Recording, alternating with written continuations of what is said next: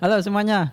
Assalamualaikum warahmatullahi wabarakatuh. Kembali lagi bersama saya Muhammad Said di FTI Umi Kepo, FTI Umi Keren Podcast. Dan di episode kali ini sudah bergabung bersama kita uh, Kakanda Egi Dirgantara atau Kak Egi ya. Halo pendengar podcast Kepo, FTI Umi Kepo. Ya, Kak Egi sebenarnya uh, eh Kak Egi sudah dua kali di Iya iya iya. Saya undang di sini. Saya diundang di FTI Heeh. Umi Kepo, Keren- FTI Umi Keren Podcast, Heeh. sharing is caring. dan eh, ini kita mau bincang-bincang tentang apa nih kak? Eh, saya juga nggak tahu ya. Tidak ada. Saya sudah siapkan kak. oh, Dan eh untuk pendengar eh, FTM Keren Podcast, apa kabar semuanya? Dan untuk kakek sendiri, apa kabar kak sampai hari ini? baik, alhamdulillah sehat semua kita Hmm. eh, tim relawan ya. Hmm. Eh, alhamdulillah masih Semangat. masih semangat dan Ah. tidak positif ya. Egi, eh, di 16 Ramadan ini eh, mungkin sudah ada yang boleh nggak puasanya atau bagaimana? alhamdulillah belum. Alhamdulillah. Belum. Mungkin sering Kalau- bucok. Ah, eh, nggak tahu ya kalau di mata Allah bucok. Hmm. kalau untuk bucok Sebenarnya- secara nggak pernah. Bucok itu dari kata Makassar ya kak. Apa artinya itu? Eh, buka coko-coko. Oh, bucok. Buka sembunyi-sembunyi sebenarnya. Oh iya iya. iya. Dan sebenarnya kita eh, adain podcast ini untuk menghibur eh, teman-teman tim relawan juga. Iya betul. Karena- si kekosongan ya. Kita sendiri di- sudah di ini di kampus sudah hampir dua bulan. Mungkin teman-teman pendengar FTM Keren Podcast ada yang eh, 8 minggu, 6 minggu sampai 3 minggu dan pastinya ada teman-teman yang eh, belum bisa untuk tetap stay at home lah kayak Iya. gitu. Itu yang k- kita perlu kesabaran Mhm. dalam menghadapi pandemi ini ya. Mm. Yang kita sudah bahas sebelumnya yang jelas tetap sabar, tetap Mm-mm. eh, jaga diri. Insya Allah semua akan berlalu. Mm. Amin. Dan tidak terasa juga kayak gitu. Dan ini kan kita sudah kayak gitu sudah ikut final nih. Final Tidak ikut. belum ya pasti ya. Karena kayak kita di siang Belum. seharian tidur. Iya, karena itu adalah sebagian daripada ibadah ya. Sampai Final eh, ada yang belum, ada yang belum ada, ada yang sebagian sudah. Mm-mm. Alhamdulillah semester ini sebentar lagi ber- berakhir ya. Mm-mm. Sebentar lagi kita masuk baru semester baru. Ya, Tapi kayak gitu fakultas lain belum ini ya masih pertengahan se- semester tapi karena Iya, iya. di FT UMI iya, kita FTUMI mm, karena kita mulai kuliah duluan jadi mm-mm, kita mulai final duluan sebelum lebaran. mm-mm. itu sebenarnya untuk eh, merang apa mensatukan ini eh, waktu libur mahasiswa iya, ah, sebenarnya. menyesuaikan menetap apa? Menyesuaikan supaya kita Ah. bisa libur sebelum lebaran. Mm-mm. Tapi Bagus sih kebijakan dari sayang sekali semester ini kita tidak kuliah di kampus. Iya, Semuanya kuliah daring iya. atau kuliah online. yang Hmm. ya kita nggak tahu ya rencana Tuhan seperti apa yang jelas Mhm. ini bukan cobaan yang jelas ini kita hadapi dengan sabar Mm-mm. yang insya Allah akan ada hikmah hikmahnya masing-masing Mhm. gitu Dan eh, saya dengar-dengar kak, saya lihat juga di akun eh, Umi bahwa dari pamfletnya kimia juga industri bahwa untuk eh, penerimaan Oh, mahasiswa iya ya? baru ya. Iya nggak terasa ya sebentar lagi ada maba 2020 dong Hmm. Dan saya sendiri kak sebenarnya eh, kangen dengan ke- berkegiatan dengan himpunan dan Iya, iya, ini. iya, iya, iya, penyambutan maba ya Mm-mm. Oh, ini biasanya kan kita Matrix, Ah, ah. outbound Outbound. terus Kayak gitu. kalau di industri ada apa Eh, pa- penyambutan maba Heeh, Ordi Matrix. Eh, industri kimia juga Ah. ada sendiri chemical kreatif di tambang juga ada Mm-mm. mining orienta- orientation ya Heeh.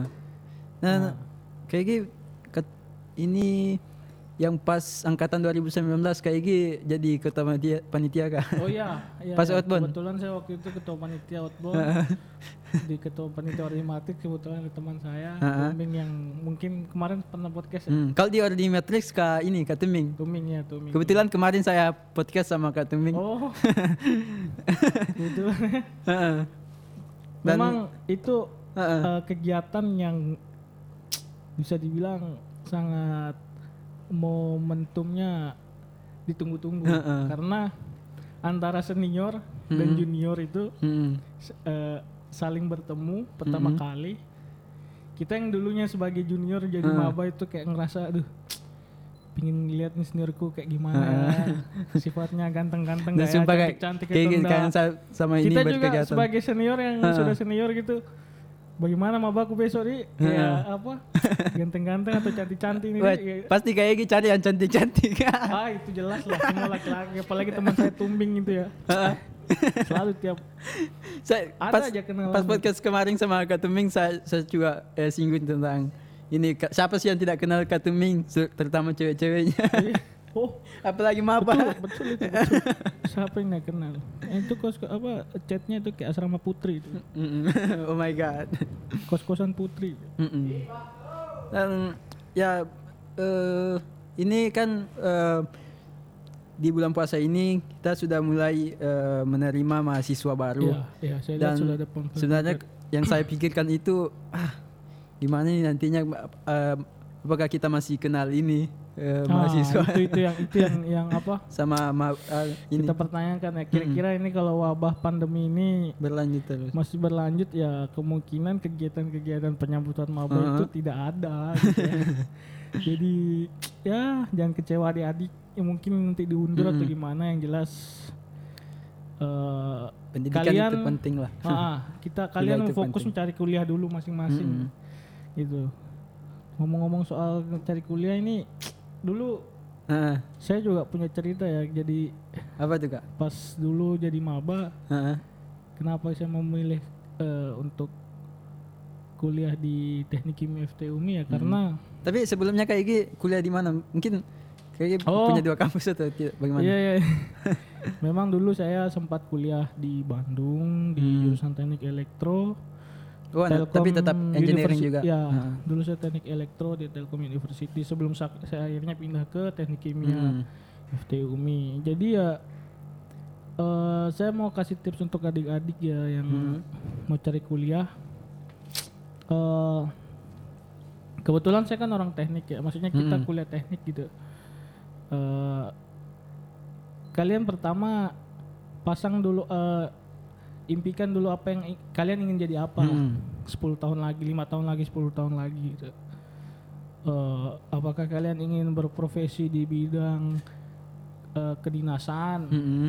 atau di eh, keinsinyuran atau di Mhm. bidang kesehatan di, di bidang perbankan kayak gitu ikuti inilah ya ha, maksudnya eh, kalian tuh planning dulu Hah. kalian tuh kalau di ilmu ke kemanajemenan gitu kan kita, Mhm. kita planning dulu kemudian Hmm.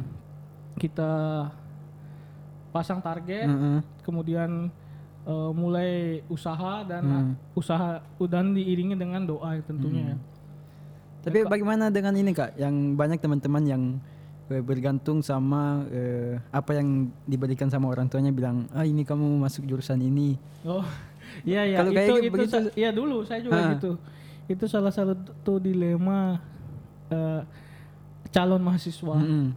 di mana ketika lulus SMA Hmm. eh, pasti dia akan dihadapkan dengan sem- eh, berbagai pilihan, Mm-mm. entah itu dari pilihan diri sendiri, entah itu ngelihat senior kita dulu eh, yang sudah lulus jadi apa, entah itu lihat teman-teman kita atau mungkin lihat pacar kita mau kuliah di sini kita mau ikut-ikutan, ah itu banyak sekali pilihannya. Tapi yang jelas Nggak gitu kuliah itu eh, bukan untuk hal yang ha- bukan hal yang untuk di apa bercandain gitu. Mm. Jadi kalau bisa tentukan memang satu kali niatkan memang ke mana. Misalkan kita Ah. berpikir ke depan lah se- setelah eh, kita Lulus. graduate ya, Nah, apa yang jadi apa gitu. Dan kembali lagi dengan pilihan orang tua ya. Ah. Saya dulu juga sebenarnya diarahkan orang orang tua untuk ke kedokteran. Orang tua ingin sekali saya Eh, masuk kedokteran, tap, eh, karena keluarga saya juga ada yang dokter kan, jadi dokter itu selalu menjadi frame bahwa itu keren, Ah. pasti sukses, dan juga eh, memang kuliahnya agak mahal, tapi Heeh. pasti jadi orang gitu kan. Tapi Seperti dokter Tirta.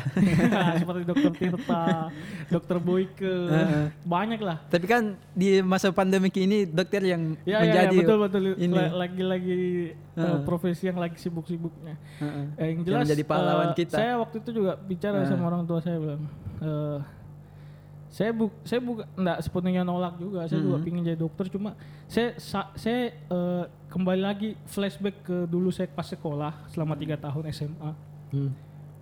Apakah saya sanggup jadi dokter gitu? Mm-mm. Saya mikir gini, eh, jadi dokter itu dulu pas saya SMA, Mhm. saya tuh paling eh, nggak bisa apa untuk hafal-hafalan itu paling Susah. susah. Heeh.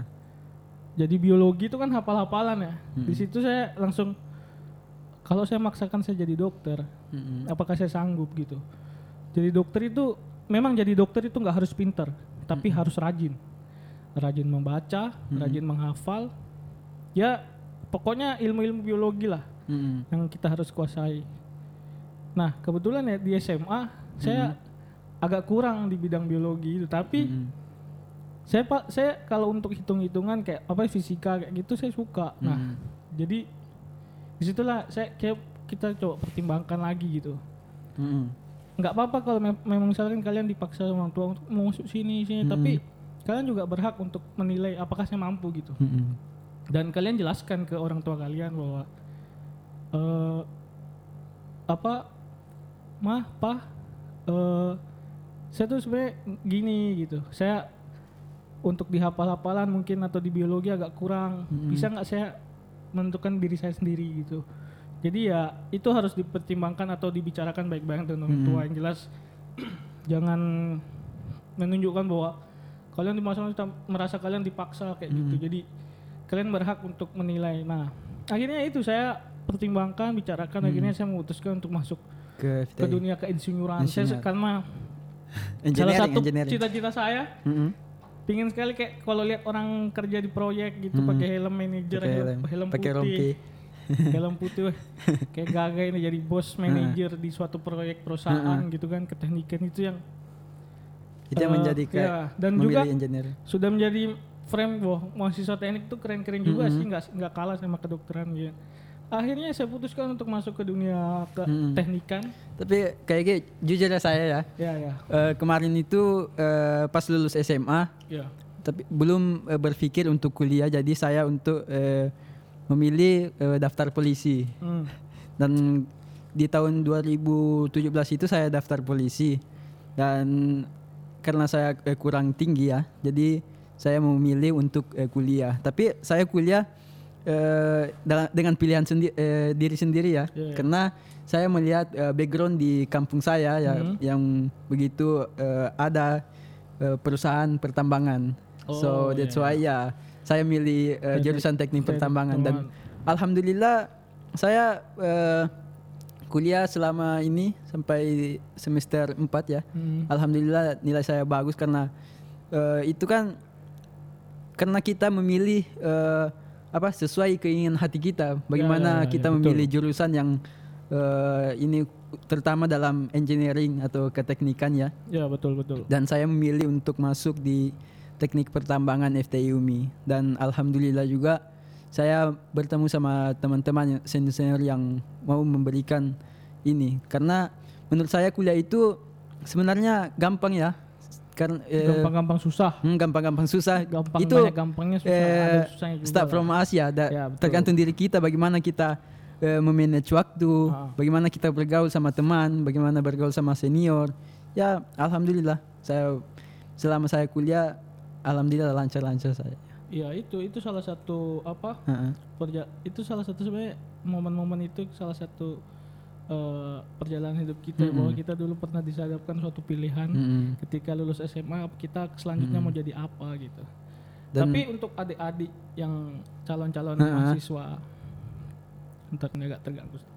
Calon-calon mahasiswa ya apa eh, nggak perlu bingung lah ya, Mm-mm. karena sekarang semua serba Serba digital. serba digital. Kita Kal- bisa- kalian bisa lihat profil-profil, misalkan te- prospek teknik kimia atau teknik pertambangan ke depan Apa sih misalnya di Instagram, di Instagram, di YouTube. seperti apa ya.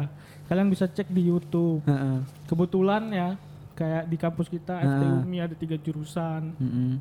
teknik industri Mm-mm. teknik kimia teknik pertambangan kayak ini ketiganya Kalau di dunia industri ya sangat Mm-mm. sangat Dibutuhkan. eh, iya sangat dibutuhkan sangat juga berkolaborasi kayak De- eh, c- teknik contohnya, pertambangan contohnya Ah. ya yang mengeksplor Ah. sumber daya alam kebetulan Heeh. kemudian teknik kimia yang mengolah dia Hmm. jadi barang mentah Mm-mm. menjadi barang jadi Betul sekali Kak. kemudian ada teknik industri Ah. yang menja- memanage Ah. perusahaan kayak Mm-mm. gitu kan jadi semua itu sangat berkaitan semua sangat saling Contoh kecilnya begini Kak.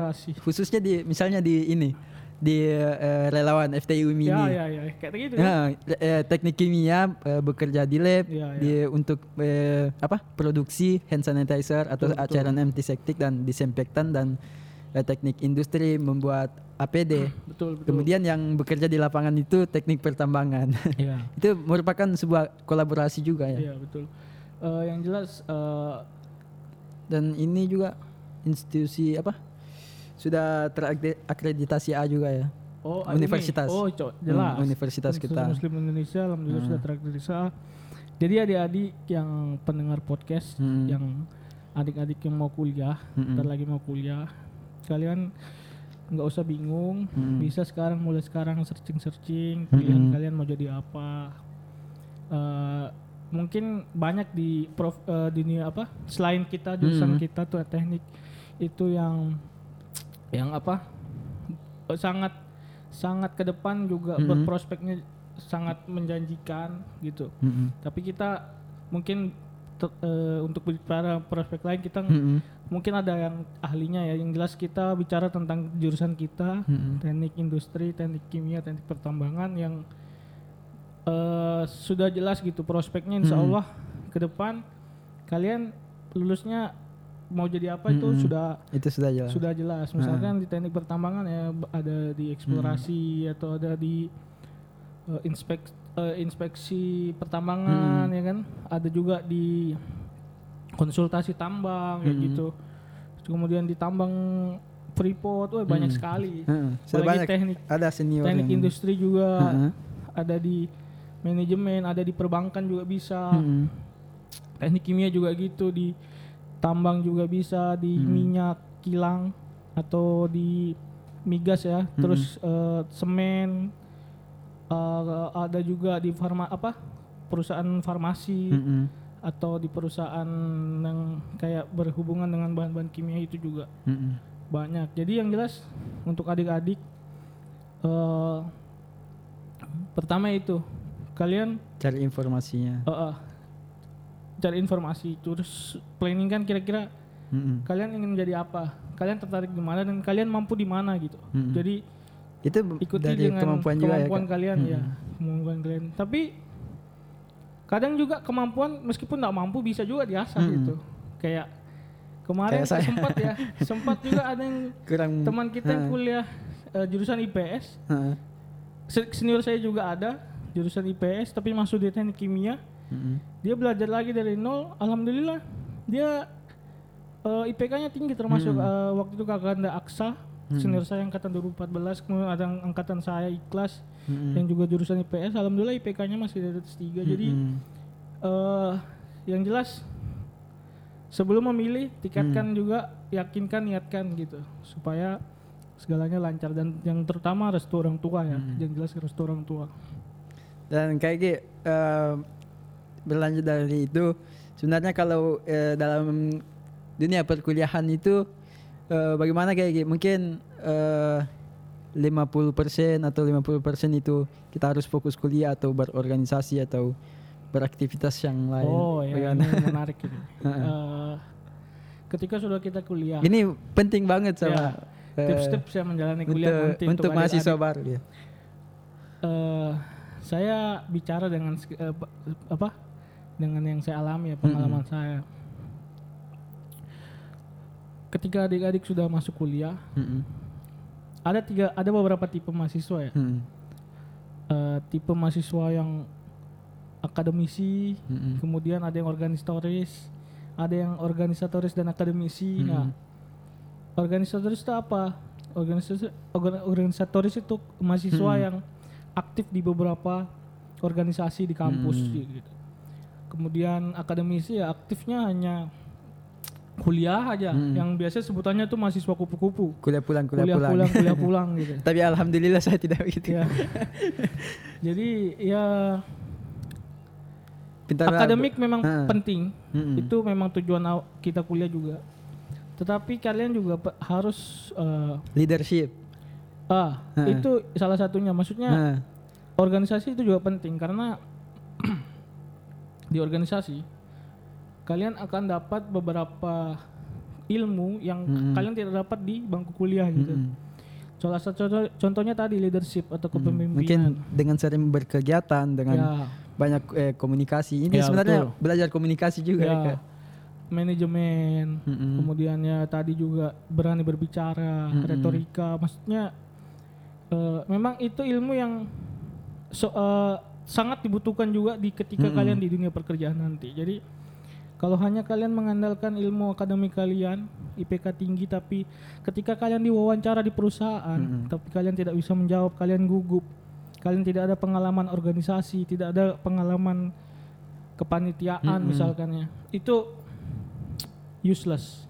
Tapi Useless itu kalian tidak akan dipakai oleh perusahaan karena pengalaman dari senior-senior kita, mereka juga cerita bahwa organisasi itu penting eh, sepintar-pintarnya kita tapi kalau kita tidak bisa eh, mempublis ilmu kita berbicara Mhm. ditampil banyak orang eh, kalian tidak kalian pasti akan terkat gitu dengan sendirinya oleh Kalau pe- calon pelamar yang lainnya gitu karena itu pentingnya organisasi heeh. yaitu kalian mendapatkan soft skill yang tidak kalian dapatkan di bangku kuliah Hmm, betul sekali. Jadi harus jadi mahasiswa yang aktif tidak hanya aktif di, Mm-mm. kuli- eh, di tidak hanya di akademis tapi juga di Mm-mm. organisasi gitu. Jadi karena itu yang akan kalian menjadi bekal kalian gitu. Mm-mm. Ibarat ketika kalian mau perang, kalian siapkan dulu apa saja yang kalian Hmm. akan gunakan untuk di kemudian hari ketika kalian nanti lulus keluar dari kampus, apa yang akan kalian bawa itu yang akan kalian gunakan pada saat di dunia pekerjaan nanti gitu. Jadi Hmm.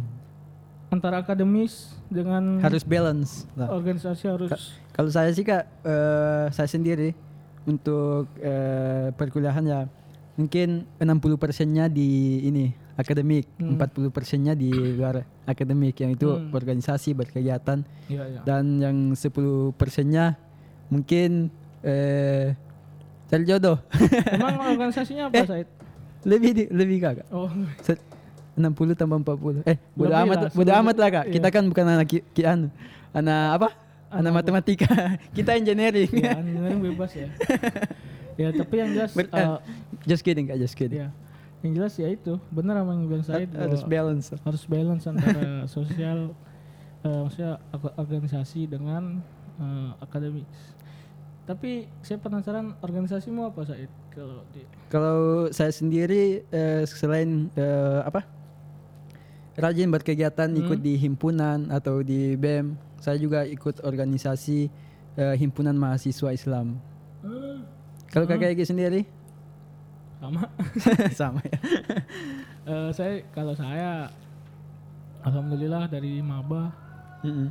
sudah di sudah aktif di beberapa kegiatan Mm-mm. kakak eh, apa BEM Himpunan. menjadi panitia maksudnya Hmm, jadi panitia. panitia waktu itu bisnis summit Hmm. nobar G30 PKI Hmm.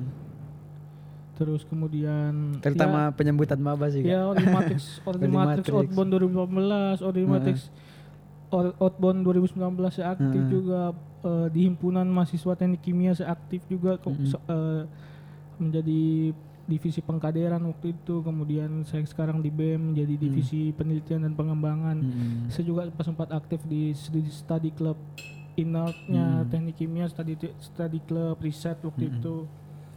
Ya dan di Tapi kayak- kemudian di himpunan Islam. Yang jelas semua Hmm.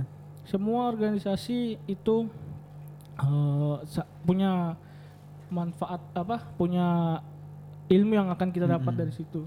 Dan kemarin kayak eh, selain ini eh, rajin berkegiatan itu kita membuat kita eh, dekat sama semua ya sel- selain senior dekat dikenal sama dosen Iya, kayak gitu iya, iya, dan iya. kemarin kayak gitu berkat saya dekat sama kayak gitu dan ada ini eh, bahwa pengumuman eh, apa duta mahasiswa. Oh iya Dan iya iya. Terima kasih tuh kayak Iya gitu. iya iya waktu itu Ber- saya Jadi teman-teman pendengar FTM Keren Podcast berkat kayak gitu yang selalu saya selalu minta saran tentang ini Iya, dan waktu alhamdulillah saya emang saya eh, paksa dia untuk eh, mendorong dia untuk ayolah daftar duta umi. heeh. Eh, insya Allah ya alhamdulillah lolos ya. Mm, Berkasnya. Hmm. bagus juga saya lihat juga berkasnya bagus.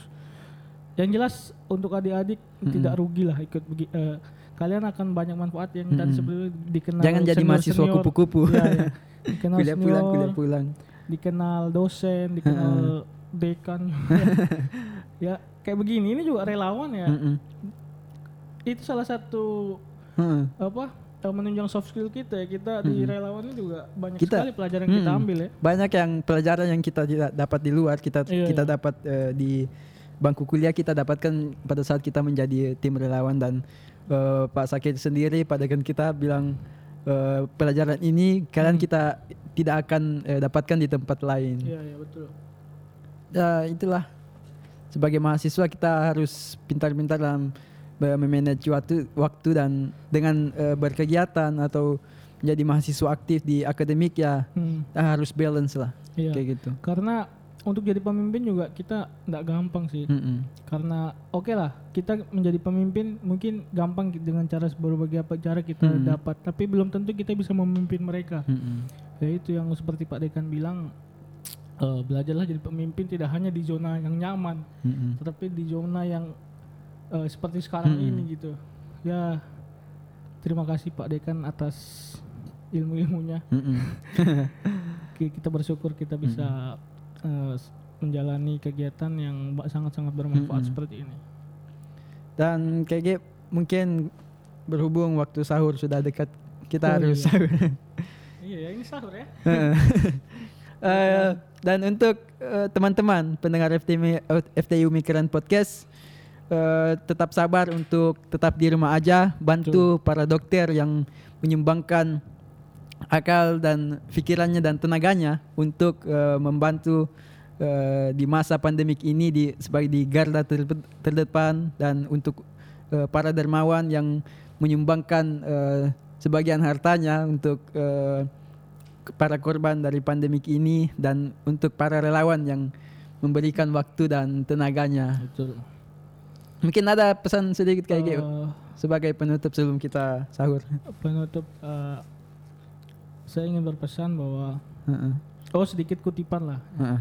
Oke. yang saya pernah dengar.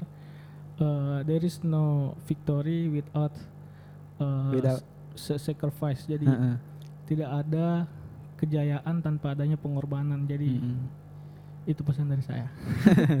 Siap kita harus ikhlas ya kak. Ya betul. Menjalani segala ikhlas dan tetap tawakal dan isti- istiqomah. Dan Jalan- sebenarnya kesabarannya pada saat ini kesabaran untuk tetap di rumah aja itu merupakan eh, sumbangan terbesar Ya. untuk para tim relawan Ya, kita ya. Untuk kasih banget. para dokter.